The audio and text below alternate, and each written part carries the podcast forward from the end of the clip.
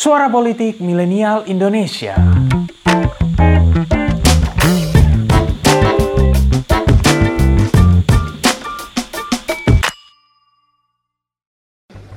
Bang Surya Paloh yang saya amat hormati, seluruh keluarga besar Nasdem yang saya banggakan. Bismillah, kami terima, kami siap jalan bersama. Ini mungkin jadi salah satu momen paling bersejarah dalam perjalanan karir Anies Baswedan. Mantan Mendikbud itu telah resmi diusung oleh Partai Nasdem sebagai capres untuk tahun 2024 mendatang. Bisa dibilang deklarasi pencalonan Anies ini jadi hal yang menghebohkan. Soalnya nih, Pilpres masih dua tahun lagi. Makanya baik Nasdem maupun Anies kini sama-sama berada di posisi yang penuh tantangan ke depannya. Buat Nasdem misalnya, mereka harus segera bikin koalisi dengan parpol-parpol lain untuk ngegolin Anies jadi capres. Sementara buat Anies tentu nggak mau jadi capres gagal yang cuma sampai tahap deklarasi. Selain itu ada juga tantangan gede buat mereka. Dengan deklarasi duluan, ada peluang lawan-lawan politik akan mengumpulkan senjata pamungkas buat ngejegal pencalonan Pak Anies.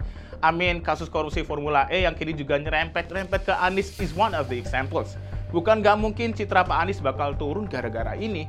Hal yang paling berbahaya untuk Anies dan Nasdem adalah masifnya operasi pembentukan narasi anti-Anies ini.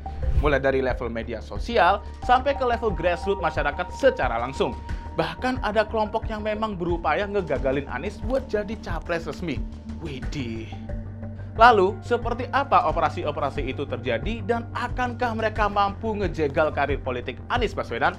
This is Anis dan Operasi Penjagalan.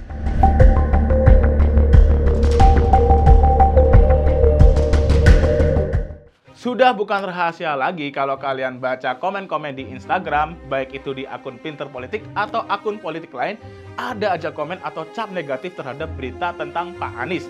Doi misalnya dicap sebagai politisi yang memecah belah bangsa, diberi status bapak politik identitas, dan cap-cap lainnya. Bahkan dari sejumlah sharing dalam wawancara-wawancara pinter politik, khususnya dari kelompok minoritas, Anies dianggap sebagai sosok politisi yang menakutkan. Bayang-bayang Pilkada DKI Jakarta 2017 dulu memang ngelahirin deep trauma di banyak kelompok masyarakat. Ujungnya ini bisa ngaruh ke citra politik Anies.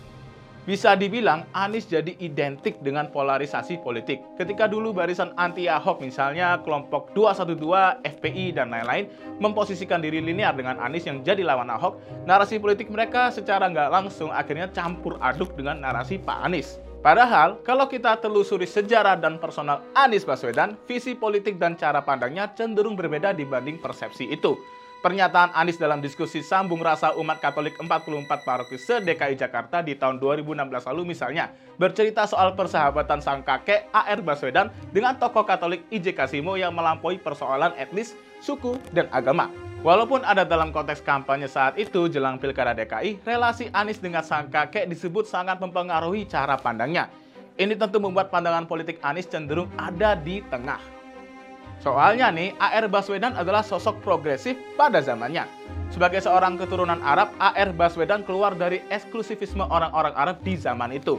Ia bekerja untuk koran Tionghoa, misalnya koran Sintitpo. Ia juga berkawan baik dengan Liam Kon Hian yang mendirikan Partai Tionghoa Indonesia.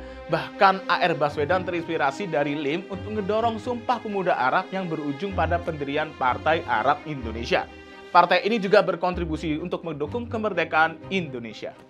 Ada momen ketika Air Baswedan mempublikasikan tulisannya yang mengajak warga keturunan Arab Indonesia untuk mendukung kemerdekaan Indonesia.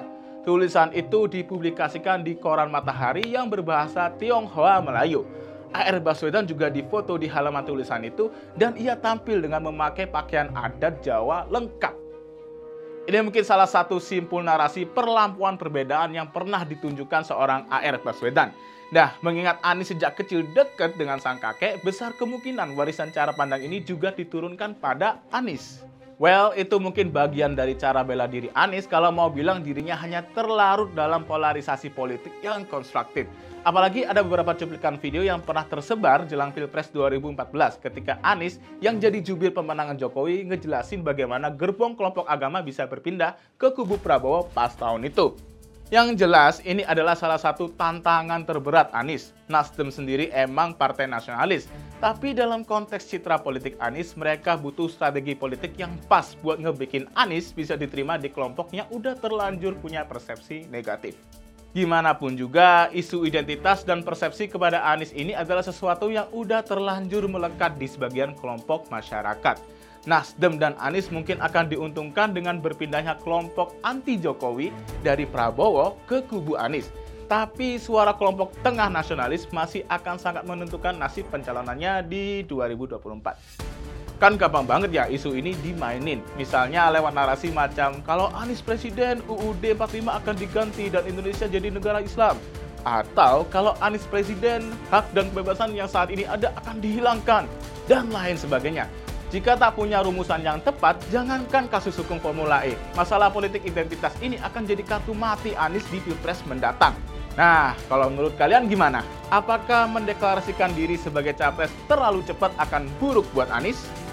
Berikan pendapatmu.